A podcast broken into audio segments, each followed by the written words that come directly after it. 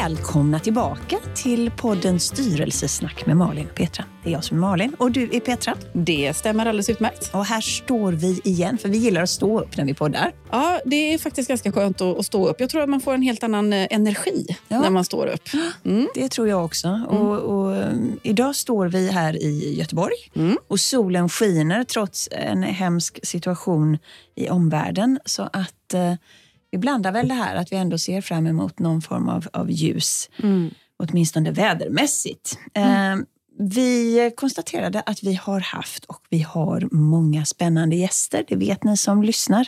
Och idag är vi så glada över att ha dig här, Hans Börsvik, som både Petra och jag känner sedan tidigare. Välkommen Hans! Tack så mycket!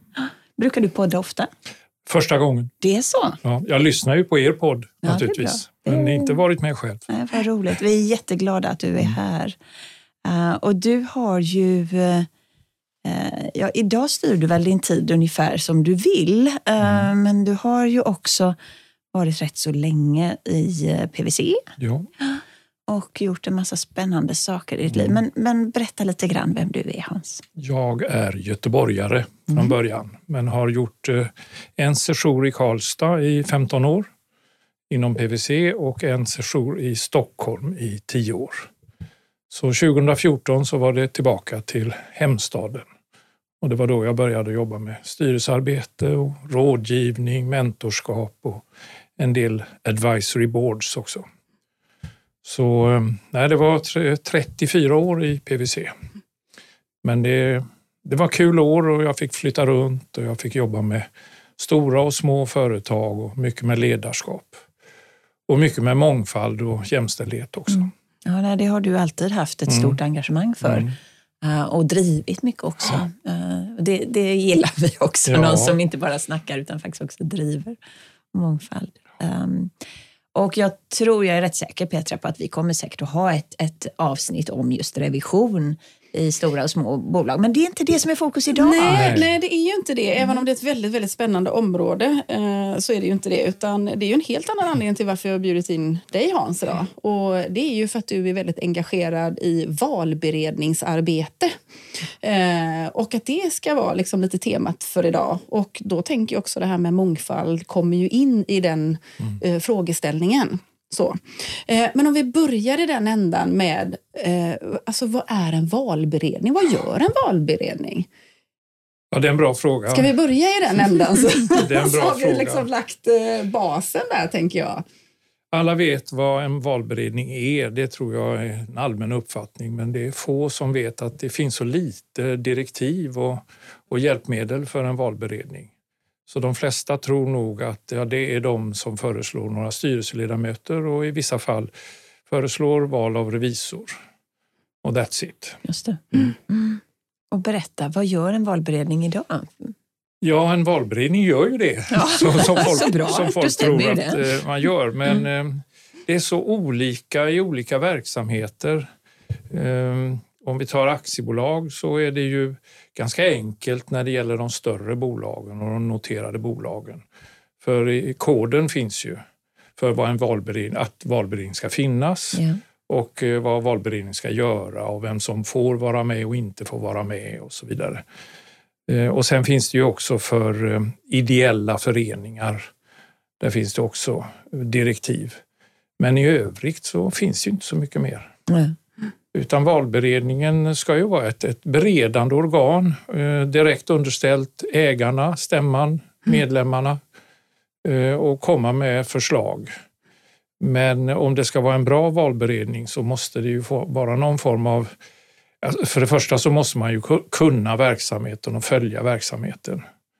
Och det är ju inte ovanligt att eh, du kommer in i valberedningen om du har till exempel arbetat i styrelsen en del tror att man går från valberedning till styrelse men då blir det jäv direkt, mm, yeah. att man mm. utser sig själv till att gå in där.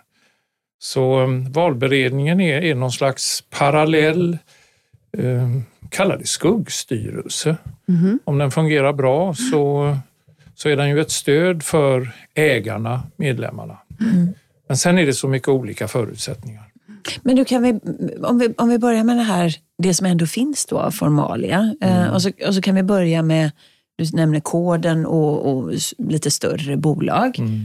Och då är det så att oftast så det, det är en stämma, det väljs en styrelse och sen en bit därefter så formeras valberedningen baserat på största ägarna. Ja, men det, det vanliga är ju att uh, stämman även utser valberedning. Yeah. Ja. Uh, och det brukar inte vara lika uh, långa och djupa diskussioner om vilka som ska tillhöra valberedningen som det är om vilka som ska tillhöra styrelsen. Mm. Så det är klart att i de stora bolagen med starka ägare så är ju valberedningen representanter för de stora ägarna. Mm. Men i koden finns det ju en begränsning av att det, det, måste finnas ledamöter i valberedningen som står utanför de stora ägarna också. Yeah. Och hur stor andel är det man säger i koden att det ska vara oberoende? Ja, det ska vara minst en. Mm. Mm. Nu har jag inte koden med mig så att det är väl alltid någon som kan sitta och slå i, ja. i, koden. Men jag tänker bara så här, vi kanske också ska, det, alla våra lyssnare är ju inte lika bevandrade. Jag tänkte vi kunde börja med, ja. med som det här var stora bolag. Mm. Mm. Nej, men jag tänker bara så här, eh, vad koden är för någonting. Ja, förlåt. För vi refererar ju till mm. någonting som vi säger mm. koden. Så att vi kanske bara ska börja den ändan Hans liksom, och, och förklara lite grann mm. för de som inte jobbar i noterad miljö vad, vad koden faktiskt är för någonting. Koden för god bolagsstyrning. Mm. Ja, det är ju ett frivilligt åtagande eh, och eh, det är ju typiskt den svenska modellen. Att man ska enas om hur, hur gör vi det här på bästa sätt. Så att återigen, det finns ingenting i aktiebolagslagen. Mm. Men det gäller ju framförallt liksom då de noterade bolagen. Ja. ja. Mm, och den stora börsen, men även de eh, mindre handelsplatserna har ju även anslutit sig till att vara ganska strikta med att ja. man jobbar utefter koden ja. också. Mm. Men sen har vi den, den, den stora skaran av uh, bolag och verksamheter i Sverige. Där, där finns ju ingenting Nej. sånt. Där följer man aktiebolagslagen mm. och där finns ingenting om valberedningar. Ska de ha en valberedning tycker du? Ja, jag tycker ju precis som, om vi nu tar de mindre bolagen, så även om det kanske är en eller få ägare så agerar vi ju för att man ska ha externa styrelseledamöter. Och då borde man också ha någon hjälp med valberedningsarbetet. Annars blir det lätt någon man känner eller någon kompis eller någon släkting. Och så. Mm. Men det viktiga är att det finns någon med en utblick utåt som ändå vet vad verksamheten behöver och som också vet vad ägarna vill. Mm. Men där tänker jag lite grann, i, för vi inleder ju här lite grann att äh, alla vet vad en valberedning gör, men kanske inte vad de ska göra och de allra flesta då i onoterad miljö kanske jobbar mer på ytan, det här lite, alltså kanske det vi tror att det handlar om. Mm. Om man nu då liksom skulle eh, liksom fundera eller liksom prata om vad, vad skulle vara en eh, liksom ett bra valberedningsarbete. Vad gör en, eh, hur är en bra valberedning sammansatt och vad är arbetet för en sådan? För att, som i dina ögon skulle vara ett bra valberedningsarbete då? Mm, en bra fråga. Jag brukar jäm, eller likställa eh, styrelsers sammansättning med valberednings sammansättning. När fungerar styrelsen och valberedningen bra? Mm. Och det är ju när ledamöterna kompletterar varandra mm, och, och, förstår. Och en sån enkel sak som att det är en personkemi som funkar också. Och sen är mitt mantra är ett begränsat antal. Alltså stora styrelser och stora valberedningar. Vad går gränsen då? Jag skulle vilja säga att den ideala gränsen är tre till max fem personer, mm. även för styrelser. Mm. Mm. Men, men eh, generellt sett de valberedningar som jag har stött på, i alla fall i onoterad miljö, där har man varit färre oftast än styrelsen, det vill mm. säga två, tre. Eller tre i alla fall, medan styrelsen oftast kanske blir fem, sex. Eh, är det liksom en, en eh, bild som, som är generell eller är det mer att det bara är de sammanhangen jag har varit i? Nej, det, det kan nog vara en ganska god generell bild. Ehm, man vill nog inte tillmäta så många ehm, att gå in i en valberedning utan känner man en eller några och tycker att det är kloka personer. Mm. Och det kan ju fungera. Mm. Så jag jobbar i valberedning som är från två till fem personer. Mm. Och två personer, då har vi båda tidigare ingått i styrelsen mm. och eh, känner varandra, täcker upp olika kompetensområden och hittills tycker vi att det har fungerat. Mm. Och så säger du att, att man jobbar ju då för, för ägarna. Ja. samtliga ägare, mm. inbillar jag mig. Ja. Eh, och det är väl också rätt så viktigt att även om du råkar vara där för att du representerar en stor ägare så måste du verka för samtliga ägare, ja. ungefär som i styrelsen. Ja, och inte glömma bort det. Nej, men precis. Jag är bara lite nyfiken, eh, om man tittar då på, eh, i alla fall i den privata sektorn och aktieägaravtal. Där brukar man ju oftast mellan ägare eh, vara överens om hur, alltså hur många kanske man får tillsätta i styrelsen från ägarhåll. Jag har nog aldrig sett någonting som har med valberedning att göra. Har ni gjort det? Nej. Att man liksom också där har någon form av tanke kring att har vi en valberedning så ska vi även där finnas representerade och vara överenskomna i ett aktieägaravtal. Normalt sett så valberedningen tar ju sällan höjd för minoritetsintressena. Mm. Men om du ingår i en valberedning där det finns ett aktieägaravtal, då är du påmind om att oftast har ju då minoriteten en styrelsepost. Mm. Mm.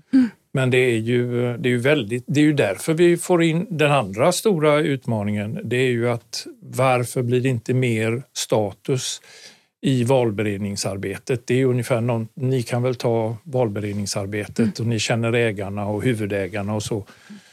Eh, och då är det ju det är väldigt sällan som valberedningen arvoderas. Mm. Naturligtvis får den ju betalt på något sätt när det gäller de stora bolagen men det är ju oftast för att man jobbar för någon eller några av de stora ägarna så att då är liksom ersättningsfrågan ingen fråga. Nej. Men om du går på de eh, mindre och medelstora bolagen eh, det finns ju ingen, jag har inget exempel på att man säger att ja, och sen så ska vi ju besluta om arvodet till valberedningen också. Den frågan kommer ju aldrig upp. Men, men jag tänker om man backar bandet lite grann och, och, och tar de sammanhangen där du får frågan då från eh, mm. ägare och, mm. där du liksom kommer utifrån så att säga och ska ingå ett valberedningsarbete. Hur mycket alltså, briefar man dig? Alltså, hur mycket onboardar man dig till uppdraget så att du blir eh, vass på vad ägarna vill och på bolaget så att du kan göra ett gott jobb i valberedningen? En bra fråga. Normalt sett så i de valberedningar som jag har varit i eller är i mm. så har jag ju någon form av historisk koppling mm. till verksamheten eller till bolaget. Okay. Så att det är inte så att man går ut eh, och googlar fram bra valberedare utan du, du måste ha någon, någon connection. Men jag tänker, eh, skulle man kunna ändå likställa det? För vi pratar ju om det, liksom, vi har ju det som ett yrke att vara styrelsearbetare. Ja. Mm. Jag har ju ändå stött på några som faktiskt säger att de är valberedare. Mm. Eh, naturligtvis då i den mer noterade miljön ja. då, och, och, har det som en profession och arvoderas eller ersätts därefter och så. Eh, men inte på den onoterade Nej. sidan så. Eh, utan, ja. Mm. Men jag bara tänker just det här att att man ger valberedare ändå en god förutsättning för att göra sitt jobb? Eller är det väldigt mycket avhängt på dig själv? Att du tar reda på mycket, hur mycket du vill lägga in i eh, att eh, göra ett gott jobb och ta reda på en massa saker? Nej, men jag tycker ni är inne på en intressant eh, linje, nämligen att vi behöver ha fler i valberedningarna, särskilt för de onoterade som vet vad som förväntas av en valberedning och att det inte bara blir ett kompisjobb. Mm, eh, och då får vi väl marknadsföra det på ett bättre sätt. Mm. Alltså synliggöra vad en valberedning mm. är och hur en valberedning arbetar.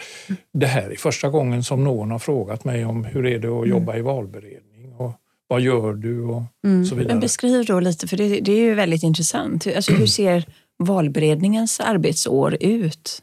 Ungefär som styrelsen. Du mm. lägger upp en eh, årscykel, du vill ha framförhållning. Ehm, du vill träffa särskilt styrelseordföranden i mm. god tid. Ska styrelseordföranden ingå i valberedningen tycker Nej, du? tycker jag inte. Nej. Men styrelseordföranden får gärna vara med på något eller några av eh, valberedningsarbetena. Alltså valberedningen måste ju känna ett stort ansvar, fristående stort ansvar visavi ägarna, visavi medlemmarna. Mm. Mm. Eh, nu, nu kommer jag in, eftersom jag går in som ordförande i alla mina uppdrag ja. eh, och så är det ju inte alla sammanhang där man har valberedning naturligtvis, utan man jobbar ju med, gentemot ägare, kanske något form av ägarråd eller ägarkollektiv då, om man är riktigt många. Eh, jag har i några fall eh, fått fullbordat faktum om att jag ska ha en eller två ledamöter som jag nästkommande period ska leda, men jag har aldrig fått frågan. Jag har aldrig fått eh, möta personen i fråga i någon form av utvärdering eh, och jag har inte fått liksom prata med valberedningen om alltså hur funkar det här, vad är det vi behöver? För det är ju ändå en grupp som ska jobba tillsammans. Mm.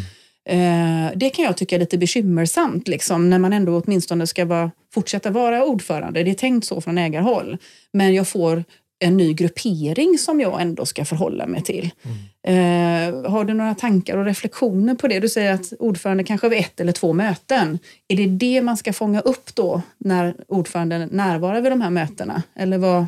Nej, men du pratar ju om en situation där någon har talat om för dig att du ska vara ordförande och sen har du då som ordförande i styrelsen mm inte möjlighet till påverkan. Mm. Och det är därför det måste ju vara en dialog mellan valberedning och ordförande, mm. självklart. Mm. Men jag menar att eh, ordföranden ska ju inte sitta med på Nej. varje valberedningsmöte Nej. och ska inte ingå som en del i valberedningen. Men det är självklart jätteviktigt.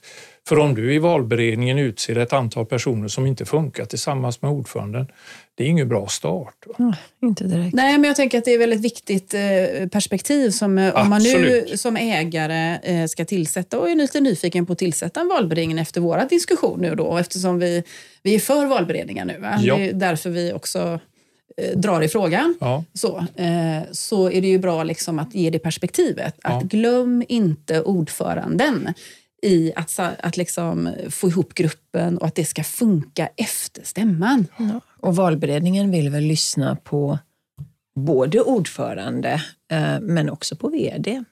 Jag. Ja, Alltså det är ju så olika. Mm. I, I de här riktigt små bolagen så är ju ordförande och vd ofta samma mm. och dessutom ägare. Mm. Men eh, jag kan inte tänka mig ett valberedningsarbete utan att inkludera ordföranden i det löpande arbetet.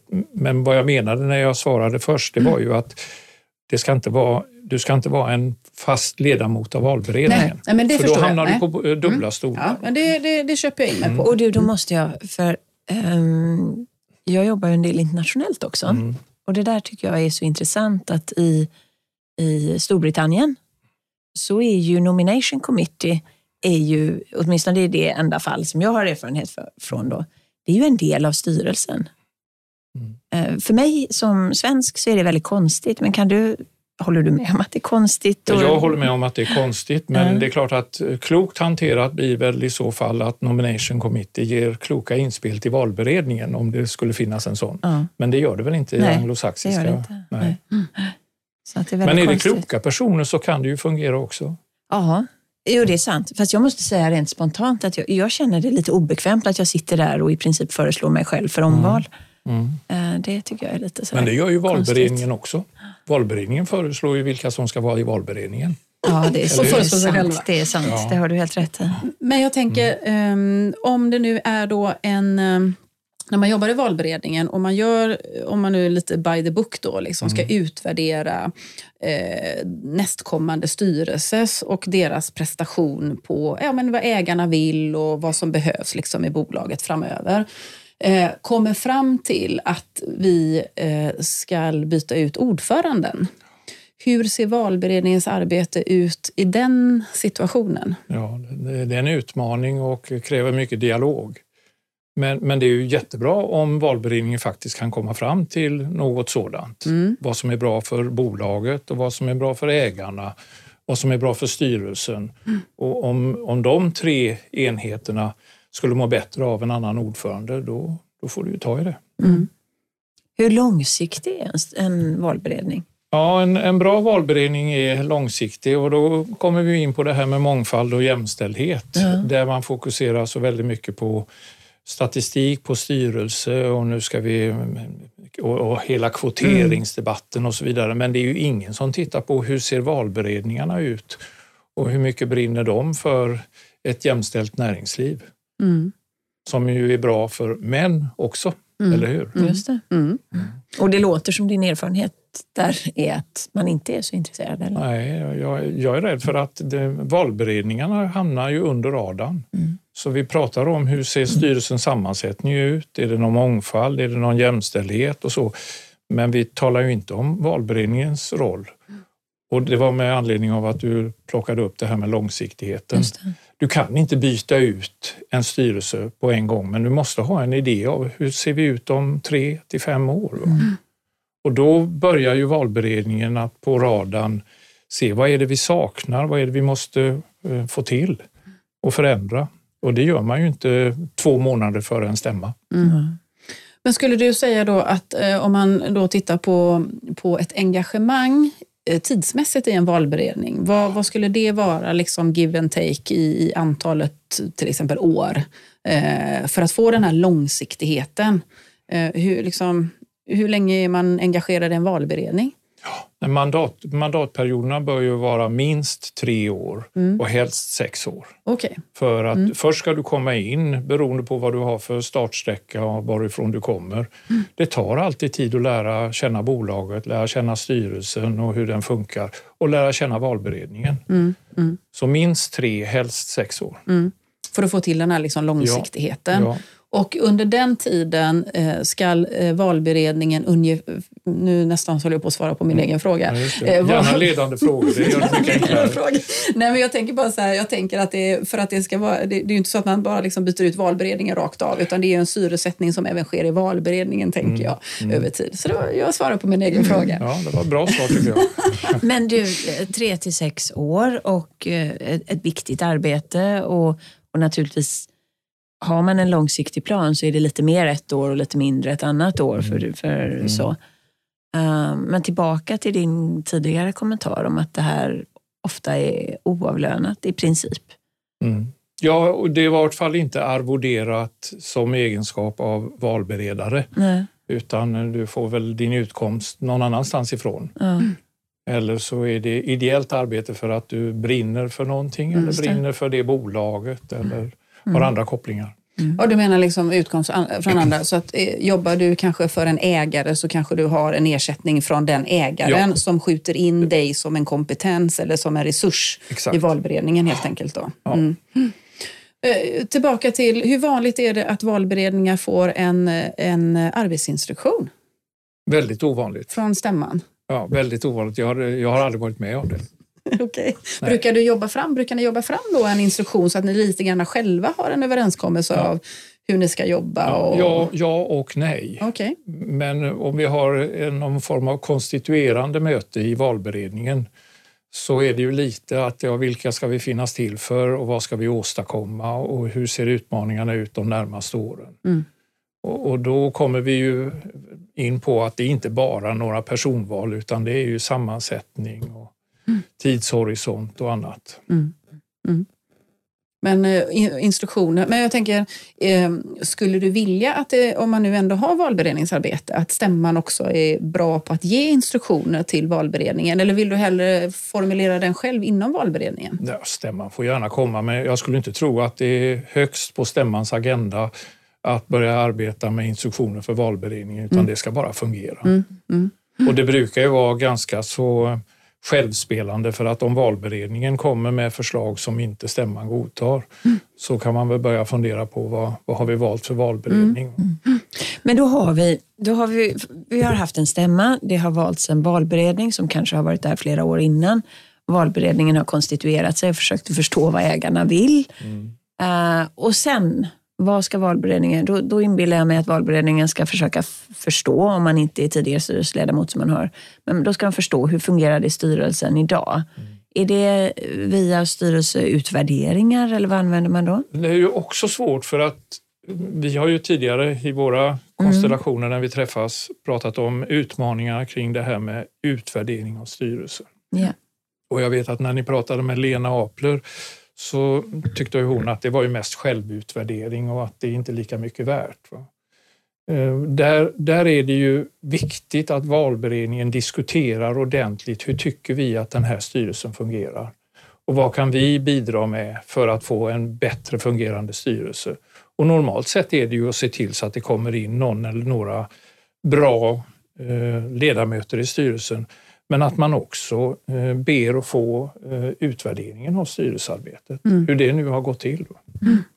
Men, men eh, då har styrelsen en egen, alltså styrelsen utvärderar ju sig själv, kanske i syfte att liksom förbättra sitt arbete. Ja. ja. och den kan man ju ta del av ja. som valberedare. Men ni har ju liksom lite andra glasögon på er. Alltså det är ju en, en del av er datamängd, tänkte jag säga, ja. utvärderingsplattform.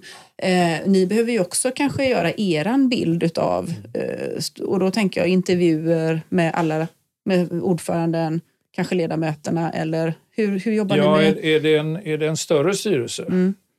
um, och det är en hyfsat bra valberedning så, så brukar de erfarenheter jag har det är att man delar upp sig i valberedningen. Mm. Så olika personer i valberedningen pratar med olika styrelseledamöter för att få lite input så att det inte bara blir sammankallande eller ordförande i valberedningen som ska betungas med att ringa runt till 6, 7, 8 personer. Mm. Och det brukar fungera bra och det, det blir ett bra inspel till en diskussion om hur funkar den här styrelsen?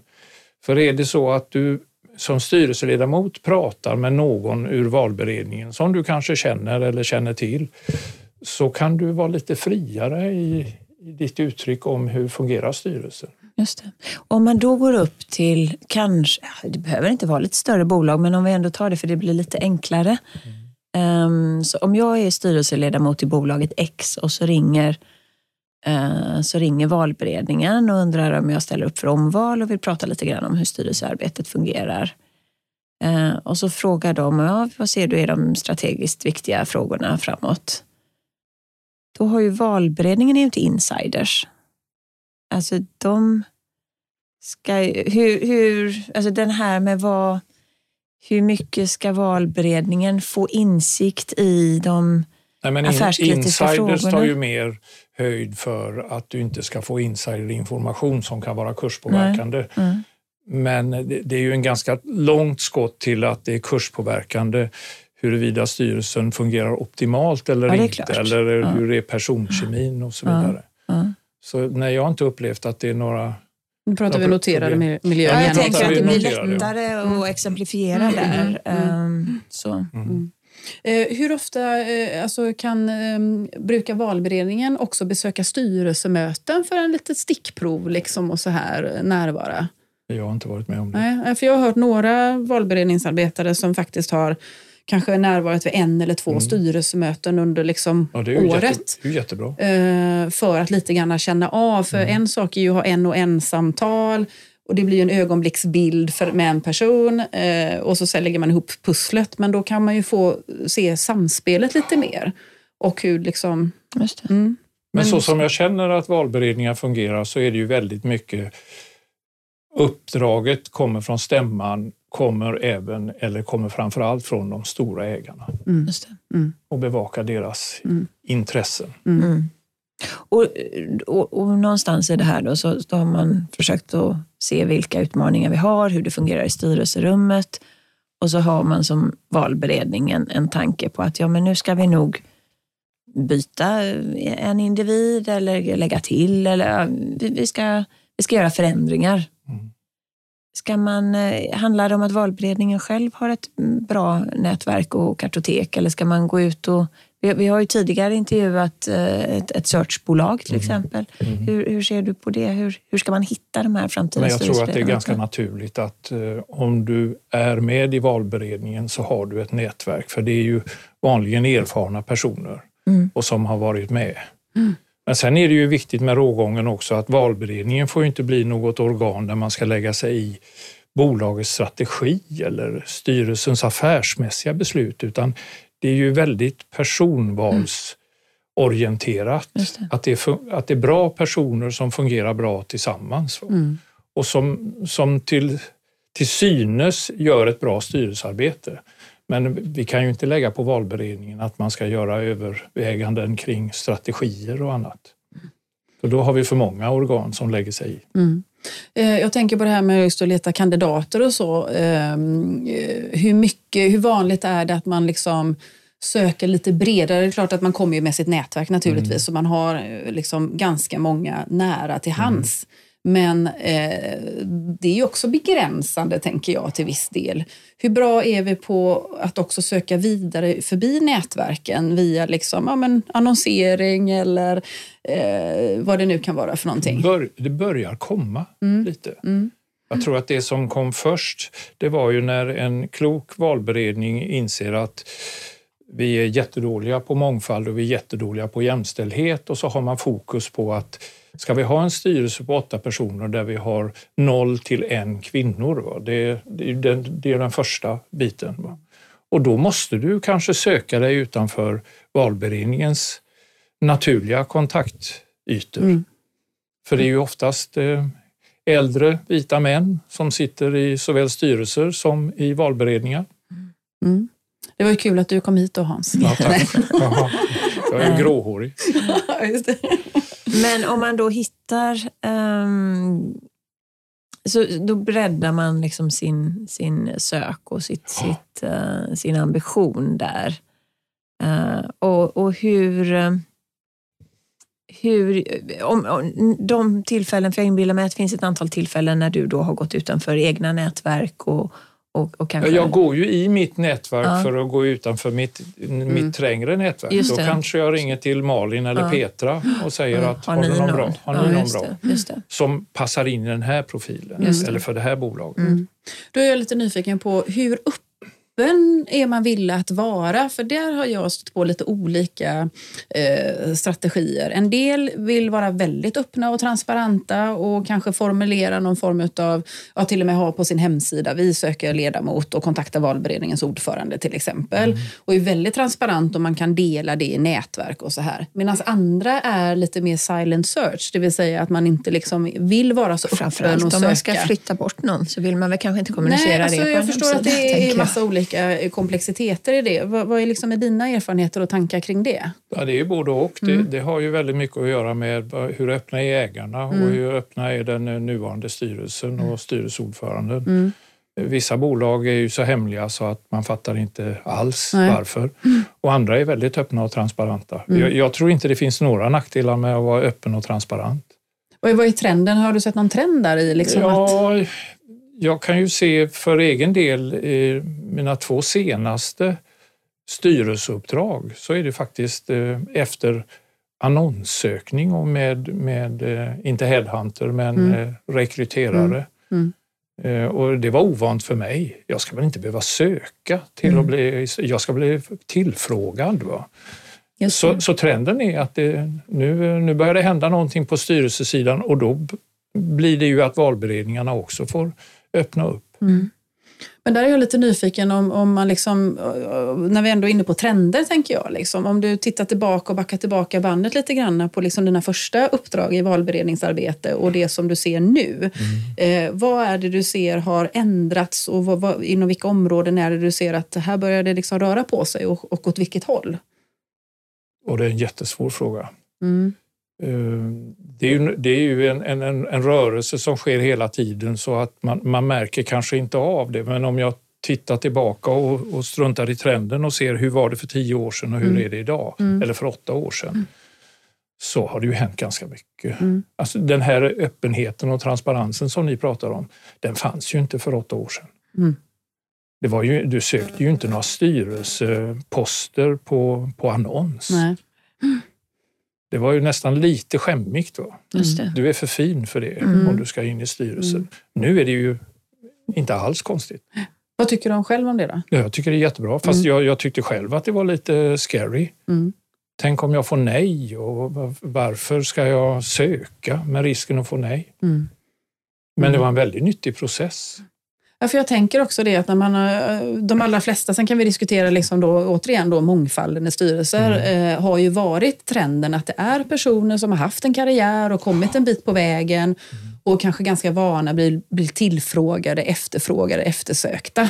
Eh, och där man kanske liksom nu då eh, i konkurrens med andra faktiskt kanske lite öppet eller ändå får söka sig till. Mm. Så att, eh, att det är en stor skillnad liksom, i, i mindset, tänker jag. Så. Eh, men utifrån ett mångfaldsperspektiv där andra får tillgång då till den här öppenheten ger ju fördelar på det, på, åt det hållet istället. Då. Ja, och mångfald även i eh, relation till, till ålder. Mm. Jag märker ju att det finns ju flera mm. som är 40-50 år och som är intresserade av att eh, gå Styrelseakademins utbildningar mm. Eh, och komma in och jobba med styrelse. Och i, början så sa jag det att nej, men det är alldeles för tidigt. Du ska hålla på operativt. Du får vänta tills du är 55-60 minst innan det är något, så det kan du glömma. Och nu så är det ju snarare som vad kul att mm. du vill in och jobba med styrelse. Du kanske inte kan bli styrelseproffs, men eh, det ger ju en helt annan dimension för ditt operativa arbete om du mm. dessutom får erfarenhet av styrelsearbete. Men då är jag lite nyfiken, eftersom du började med, med den tanken att nej, det är för tidigt. Vad är det som har gjort att du har ändrat dig? Jag har insett att eh, det är en del av mångfalden. Mm. Att vi får in yngre ledamöter i styrelser också. Mm. mm. Det är jättebra. Mm. Har, har du, ser du, för eftersom du ändå då liksom kanske träffar kandidater och utvärderar kandidater och liksom ändå söker liksom mm. kompetenser och sådär. Eh, ser du att det liksom finns en större trend i att fler kvinnor vill växla om i sina karriärer tidigare ja. och då bli styrelseaktiva? Ja. De vill jobba i flera bolag, fler, mer strategiskt. Ja. ja. Det är lika mycket kvinnor som, som män, så mm. det är inte någon utveckling att vi ska ha in yngre män som ersätter de äldre Nej. eller som kompletterar de äldre. Utan mm mycket bredare. Mm. Kan du beskriva lite grann om, ur en, en valberedares glasögon, hur ser en bra styrelse ut? Alltså, är det, ska man ha bred kompetens? Ska man ha spetsig kompetens? Ska man...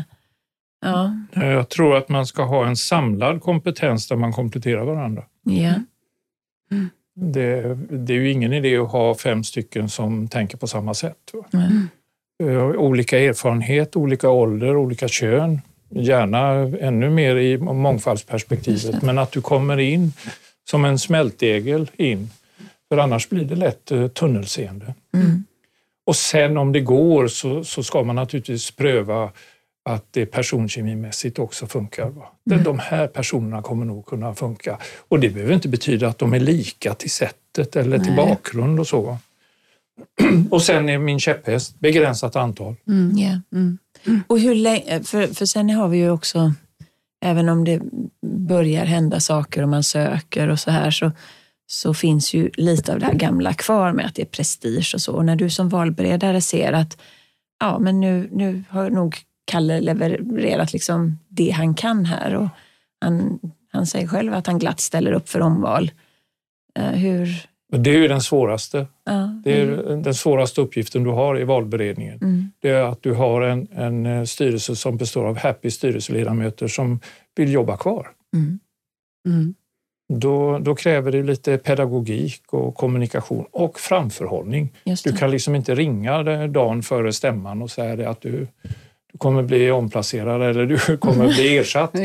någon, utan det är också en dialog. Mm. Men, men där, bruk, där brukar det ju underlätta med mångfaldsperspektivet. Att vi kan inte ha sju stycken gubbar. Mm. Eh, hur ser ni på, är det någon av er som kan tänka er att göra någonting annat eller tänka er att kliva tillbaka eller för den goda sakens skull? Men, men där funderar jag, funderar jag lite grann ibland. För när, när ni frågar kandidater um, så kanske det ändå, nu vet inte jag hur mycket i den onoterade världen så brukar inte jag i alla fall se att man jobbar med mandatperioder i den bemärkelsen. Nej. Men man kanske säger så här att ja, men vi vill gärna att du ska kunna ha utrymme för det här uppdraget tre till fem år kanske. Ja. Eh, och det här är förväntansbilden som vi ändå har satt på, på liksom, ja, den här profilen som vi ändå ska titta på. Kan man inte också utifrån det ha det som en hävstång i utvärdera den kandidaten mot, mot det man faktiskt hade som ingångsvärde när man diskuterade uppdraget? Eh, och säga men vi, behöver, vi ska ha en, en, en, en syresättning här, vi ska ha en rotation. Det är tre till fem år om, om allt vill sig väl. Sen så är det ju alltid en årlig någonstans liksom, utvärdering. Eh, och det är det här som vi liksom ser att du ska bidra med till helheten, eh, den samlade bilden och utvärdera mot det. Och då blir det lite mer logiskt åtminstone när man säger att nu är tiden nära, eh, nu är det andra kompetenser som vi behöver få in och därmed så behöver vi växla dig mot någon annan. Jo, du har helt rätt. Men, men det är ju, rotation är ju inget dramatiskt i den noterade världen. Nej. Det är det ju inte. Men eh, för de mindre bolagen mm. så, så är det ju nästan ett misslyckande om du inte sitter i 10-15 år. Mm. mm. Så det är ju kommunikation. Mm. Och där blir det också svårt, få... för det är inte alltid logiska argument. För det är Nej. klart att då kan du se en huvudägare som som vill ha lugn och ro. Och den här att han eller hon ska sitta kvar. Mm. Och så är det någon annan som då ska rotera efter ja. fem år som tycker, men varför när den här andra personen har mm. funnits här i tolv? Men samtal, sunt förnuft, mm. kommunikation. Mm. Mm. Hur viktig när, när, när du arbetar och, och kontaktar potentiella kandidater, hur, hur, eh, hur snabbt tar du upp frågan om arvode i styrelsen? Eller är det kandidaten, den potentiella kandidaten själv som får ställa alltså, frågan? Det är, också, det är också så typiskt oss styrelsearbetare att det, det är nästan no-no att börja med arvodet. Utan det är mm. när du är överens om allting så ska det komma som en behaglig eller obehaglig överraskning i slutet. För de som vill arbeta i styrelse, de brinner antingen för styrelsearbete eller för det, för det bolaget. Och oftast är det ju, med tanke på att det är så många som är seniora som jobbar i styrelse, så är inte pengarna det viktigaste. Utan det är väl mer som en symbolfråga för att man faktiskt tar en viss risk också. Just det. Med det personliga solidariska betalningsansvaret. Mm. Mm. Men har du någon synpunkt på, på nivån på styrelsearvoden? Absolut.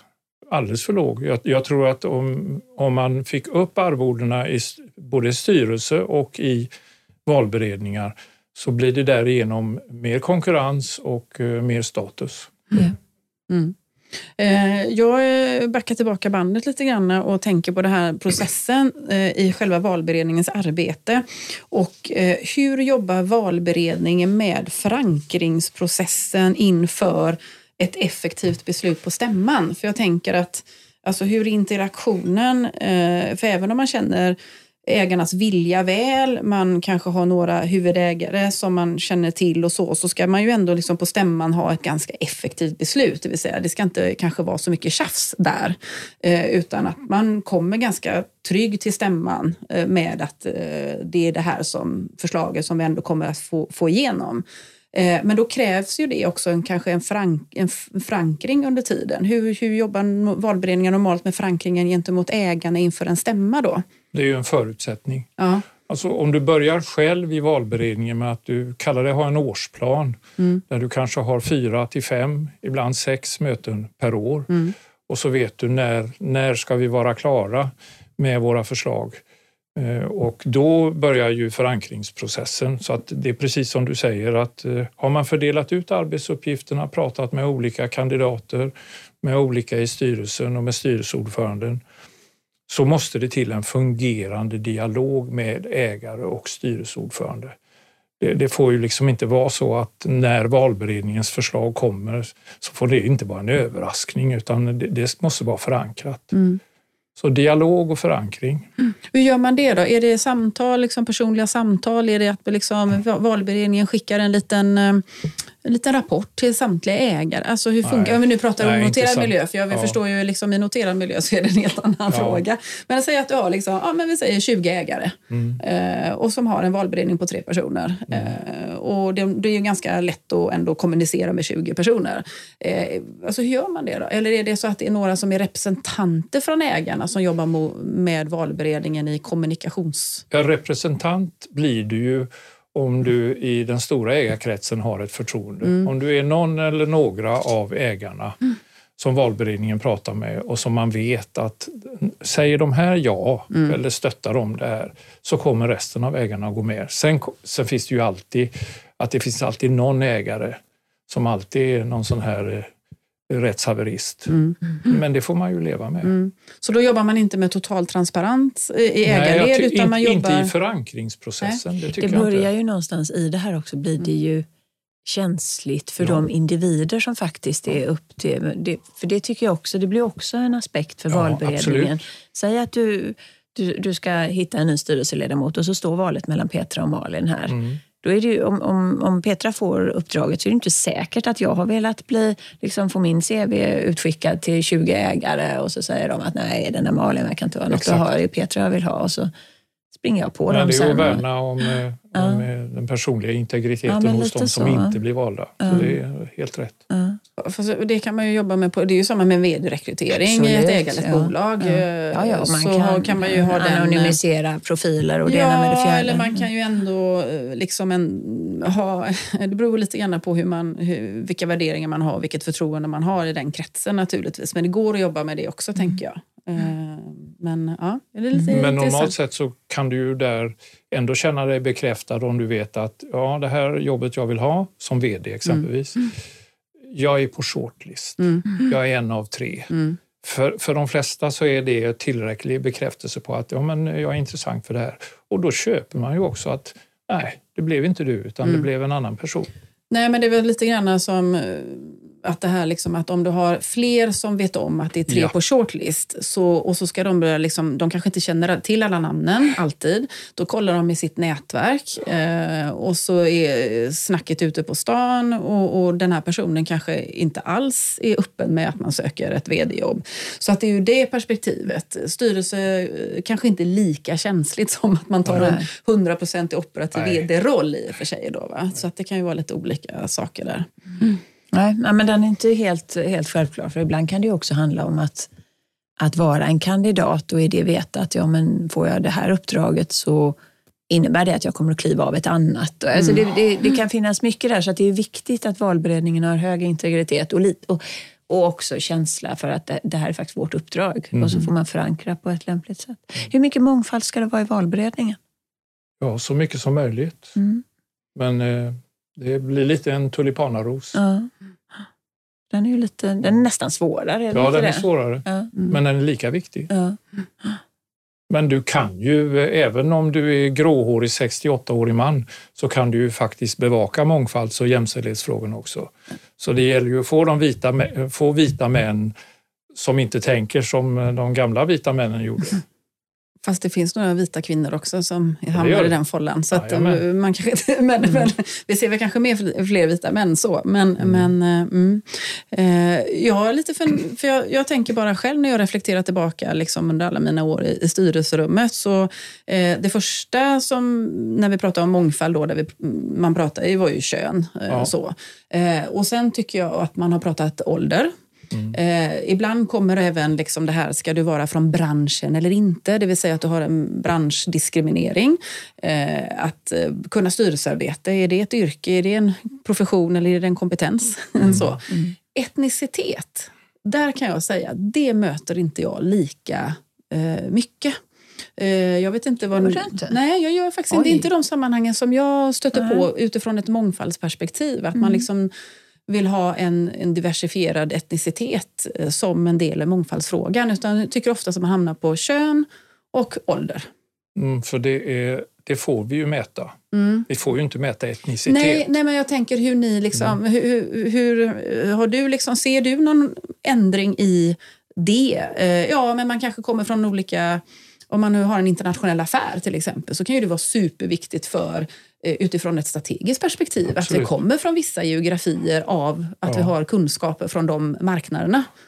Så ur det perspektivet skulle du kunna förhålla dig till den frågan? Men etniciteten tycker jag att det börjar ju lösa sig själv Ja. eftersom vi kan ju se i den akademiska världen. Mm. Där är det ju en majoritet av de yngre som kommer. Eh, duktiga, framförallt kvinnor också. Så, ehm, Så det men det är mer att, att ha, ha obs på, Mm. Mm. på hur, hur man söker och hur man tänker. Mm. Men du får ju inte mäta. Nej. Nej, men man kan ha med sig det menar jag, som du säger, obs på. Eh, Ja. och, och liksom ha med Ja. sig det eh, in i liksom själva blicken. Men, Och jag tycker nog, måste jag säga, att, att jag tycker nog att det har att det i många fall är ett, ett tyngre kriterium än kön. mm. Det, det, jag tänker att kontexten... Vilket beror- är lite synd, därför att vi vet alla att börjar man med kön så kommer det andra av sig självt, men Mm. inte tvärtom. Mm, mm. Så att det, det är där vi måste ändå fortsätta att lägga kraft. Jag tänker, vi inledde ju lite grann med att säga liksom att eh, många vet vad en valberedning eh, gör och så gör de det. Men, men du har ju en annan åsikt om vad man bör göra. Liksom så här då. Hur kommer det sig att vi har varit så eh, mindre bra på att få ägare att inse att valberedningen behövs? Har du, någon liksom, har du reflekterat över det? Men jag tror att ägare inser att valberedningen behövs och så räcker det med det. Aha, ja, på något sätt att ja, men vi har valberedning och de har ju kommit fram med bra förslag och de mm. löser det här. Mm. Så, mm. men, men för att få mångfald in i valberedningen så måste vi ju liksom lyfta medvetenheten om vad, vad gör en valberedning mm. och vad kan vi förvänta oss. Mm. Men vad jag tänker ändå att eh, jag stöter ju på väldigt många bolag eh, som inte har en valberedning alls. Mm. Det vill säga att eh, ja, de har väl talat om ordet valberedning, men de själva tycker ju då att de utgör valberedningen fast de egentligen inte uttryckt så utan det kan ju vara alla ägarna om det säger att det är fem grundare så utgör de själv valberedningens mm. arbete fast det inte uttrycker sig som valberedning. Eh, I vissa andra fall när man kanske har fler ägare så har de inte ens en valberedning. Eh, och där vi kanske har då inte har lyckats egentligen eh, påvisa värdet av en valberedning. Det är mer det jag är ute efter. Men jag tror att det kommer att lösa sig eftersom ägarna allt mer inser att vi behöver externa styrelseledamöter mm, när vi talar om mindre bolag. Mm. Och när man inser att man behöver externa styrelseledamöter, då måste man ha hjälp med mm. att hitta de här. Mm. För det har normalt sett inte ägarna i Nej. sin... Mm. Ja, de har naturligtvis externa, men hur externa blir de om man tar kompisen? Mm, mm, mm. Så att det kommer ta längre tid att förändra synen på statusen för valberedning än för externa styrelseledamöter. Mm. Mm. Ja, men det kan tänka du, du sa inledningsvis också, vilket ju är jätteintressant, att Nej, men valberedningar är inte särskilt eh, reglerat. Det finns lite grann i den här koden som vi har lärt oss vad, vad kod är. Tack mm. Petra. Eh, och det finns lite grann för, eh, för vad heter det, föreningar kanske. Eh, skulle du vilja se det mer reglerat och i så fall var? Ja, alltså koden har ju heller inte så mycket om Nej. valberedning. Det är lite bara vilka som ska vara med där och så vidare. Så att visst vore det intressant att få mer tankar kring vad, vad, är en valberedning, vad ska en valberedning göra? Mm. Men valberedning är någonting som det bara finns och det mm. bara funkar. Men du som, som jobbar i valberedningar, finns det, har du några liksom valberedningskompisar här och där som du kan eh, lyfta luren och säga, hörru, hur är det vi gör ja, men Normalt sett är det ju så att när du söker personer till en valberedning så söker du i ditt nätverk av de som vet vad styrelsearbete innebär. Mm. Så du, du hämtar ju valberedningskompetens från styrelsekompetensen. Det. Så det är ju inga svårigheter. Mm. Mm. Men det här, det här poddavsnittet är väl alldeles utmärkt att, mm. att ha som ett exempel på att synliggöra vikten av valberedning. Eh, en annan fundering, och vi som vi har pratat ganska ofta om med andra gäster, det är ju liksom det här kanske framtida eller ökade regelkrav som ändå kommer på bolag. Eh, och att man eh, av den anledningen kanske vill ha externa i styrelsen därför att ägarna själva inser att de inte eh, vill eller mäktar med komplexiteten som, som finns där ute och regelkraven och regelbördan som både finns och kommer. Eh, kan det vara liksom också en, en, en skjuts för valberedningsfrågan? Att ja, man också, för du som valberedare måste ju också vara ganska insatt i vilka krav är det nu då som ställs på den här styrelsen och de här ledamöterna och kanske speciallagstiftningar också, men även generella liksom lagkrav som kommer nu. Jo, men det är precis som du säger. Det är, det är därför som valberedare hämtas ur kretsen styrelsearbetare. Mm, mm, mm. För det, annars är det ju ingen idé. Om, om, du inte vet vad det innebär att sitta i styrelsen, mm. hur ska du då kunna föreslå mm. styrelseledamöter? Mm. Och det är ändå du som ska vara beredd att fronta på en stämma ja. och, och, kommentera. Mm. Har du någon följdfråga på det? Annars hade jag en helt annan fråga. Nej, nej jag var bara lite intresserad av hur, hur man tänker som valberedare. Uh, nej, fort, mm. nej, för, för jag tänker också, för du sa det Hans inledningsvis, att om man tänker på de stora bolagen så föreslår ju valberedningen också val av revisor. Mm. Så är det. Uh, och till stämman. Så är koden. Så är ju koden. Mm. mm. Och min erfarenhet från valberedning då är ju att du får ett förslag från oftast ett revisionsutskott mm. um, som, som kommer till dig. Har du erfarenhet av att göra, göra mer jobb på det som valberedning? Nej, så i, I mitt fall har jag inte så stor erfarenhet av det för jag brukar jäva ut mig själv. Ja när det gäller val av revisor. revisor. För att annars så, jag kan ju inte föreslå PVC Nej. på, på alla. Mm. Eh, där. Men, men normalt sett om man tittar på valberedningen då går man ju till kanske till VD, kanske till CFO, kanske till styrelsens ordförande och ställer frågan. Eh, de har kvar några år mm. på sin mandatperiod. Funkar det? Just det. Mm. Så det, det, brukar oftast komma upp i samband med att, de, att revisorn eller revisionsfirman ska rotera. Eh, och då blir det ju inte valberedningen som sköter den processen mm. utan det blir ju oftast bolaget mm. som gör det. Men se till att få en brief på den då? Ja. ja. Mm. Men om man, om man liksom ändå tänker eh, de som blir lite nyfikna efter vårt eh, samtal här idag och säger så här, men det här med valberedning låter ju väldigt spännande. Vi är i onoterad miljö säger vi. Vi är ett bolag på kanske hundra anställda med, med en, eh, en aggressiv tillväxttanke. Vi eh, har externa i styrelsen men, men det har liksom kommit mer ur vår vänkrets. Så nu vill vi kanske lyfta det här ett snäpp till. Eh, och så ska du tipsa här nu då, eh, de här ägarna. Ja, men eh, nu ska ni kicka igång ett valberedningsarbete eller vi ska kicka igång ett valberedningsarbete. Vad är liksom typ ett, två, tre? Ett, två, tre. Ja. ja. det är på, på, samma sätt som jag sa tidigare, mm. det, är, det är sammansättningen. Mm. Vilka, vilka ska vi ha i valberedningen? Mm. Så att det inte bara blir tre stycken lika mm. som ska eh, diskutera. Sällskapet för inbördes beundran. Mm. Men då är tipset att det är personer som har, eh, förstår styrelsearbete. Absolut. Personer som också då kan ställa rätt frågor till ägarna för att förstå vad de vill. Ja. Det är inte alla som har ägardirektiv till exempel. Det är väldigt få som har det. Mm. Eh, det är en bra start och att mm. den kanske är då två, tre personer möjligtvis då. Ja. Eh, och eh, det är en tid som ska läggas ner. Mm. Så då är det väl också då någon form av ersättning ja. till dem.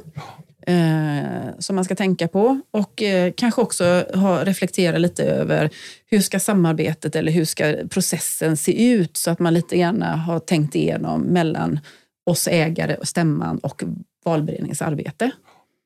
Ja, vara... du, du, har svarat på frågan. Det, jag tycker kan, det var ett utmärkt, utmärkt sammanfattning. Ja, men kanske också... För jag tänker att den som, i, i ditt exempel där, där du egentligen säger att ja, men det är några i, i den breda kretsen av, inte, det behöver inte vara kompisar, men Nej. som finns i styrelsen idag. För det, mm.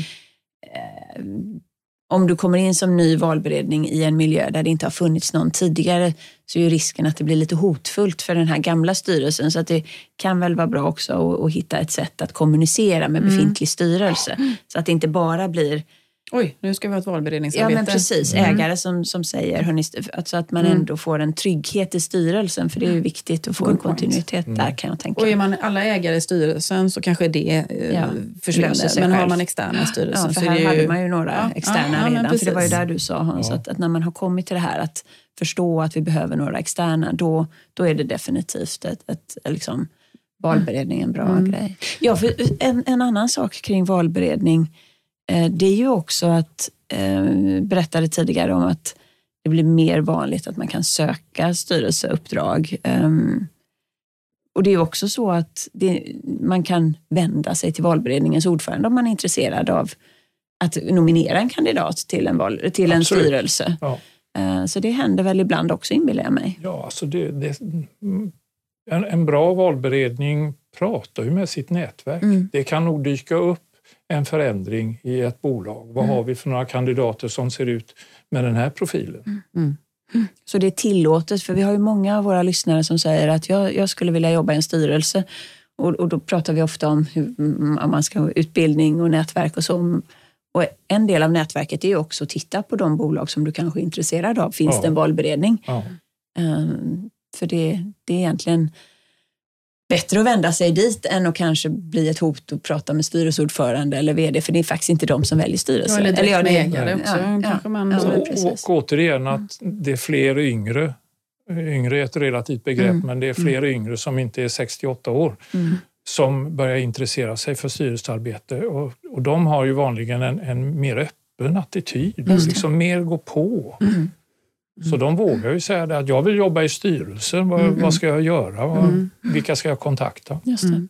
eh, när vi ändå är inne på, för du nämnde till exempel utbildning från Styrelseakademin. Hur mm. viktigt är en, en styrelseutbildning när ni tittar på kandidater? Hur mycket väger det idag? Ja, det finns ju med om du tittar på de eh, eh ansökningar som ligger ute nu. Mm.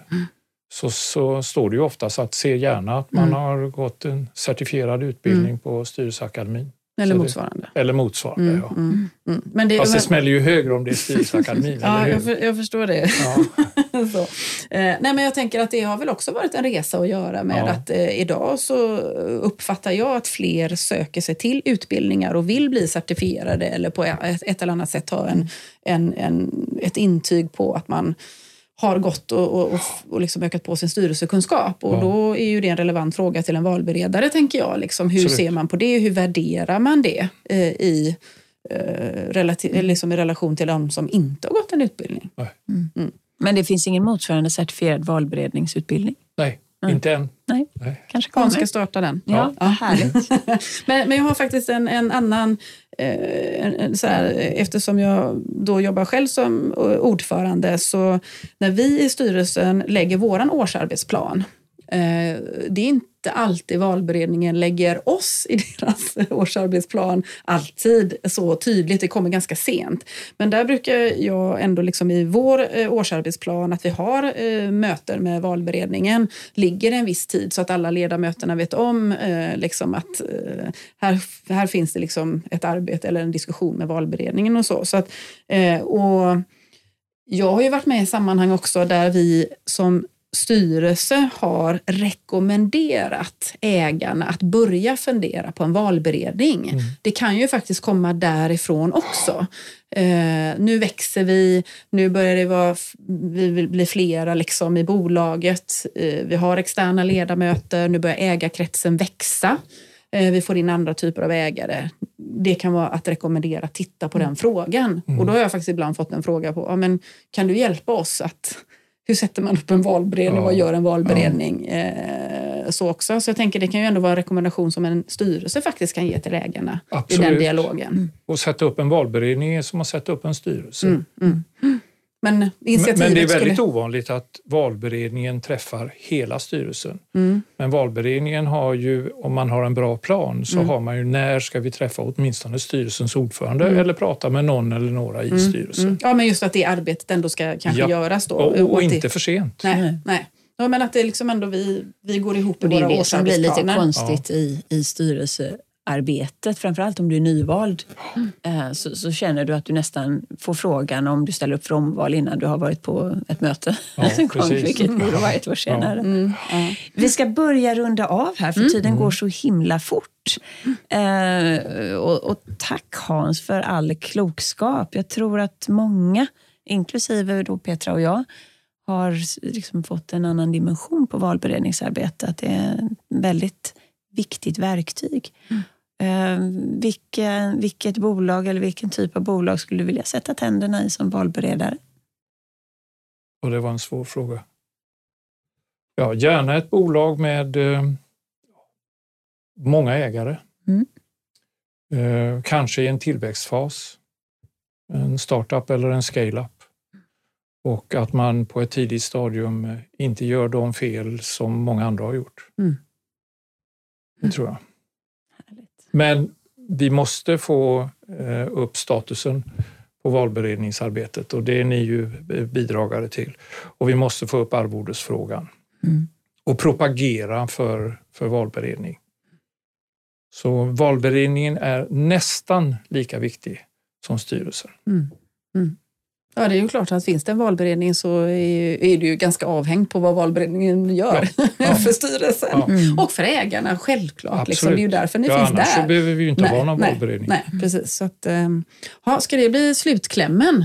Eh, medskicket ifrån Hans och oss helt enkelt. Mm. Att uh, fundera igenom uh, det här med hur man liksom jobbar med att sammansätta styrelsen så den blir så bra för bolaget och dess ägare som, mm. som det bara går. Och mm. alla intressenter naturligtvis. Och ta extern hjälp, för det finns hjälp att få uh, för detta. Ja. Så får vi vara beredda att arvodera lite också.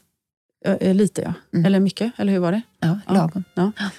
Stort tack Hans för att tack du tog dig tiden. Tusen tack. tack. Mm. Mm. Och tack. Eh, tack. till våra lyssnare. Eh, tack Malin för idag. Tack Petra. Vi syns ju snart igen för att eh, spela in ytterligare eh, intressanta avsnitt. Ja, nu händer det mycket. Ja, nu händer det mycket. Men eh, tack för idag. Tack för idag.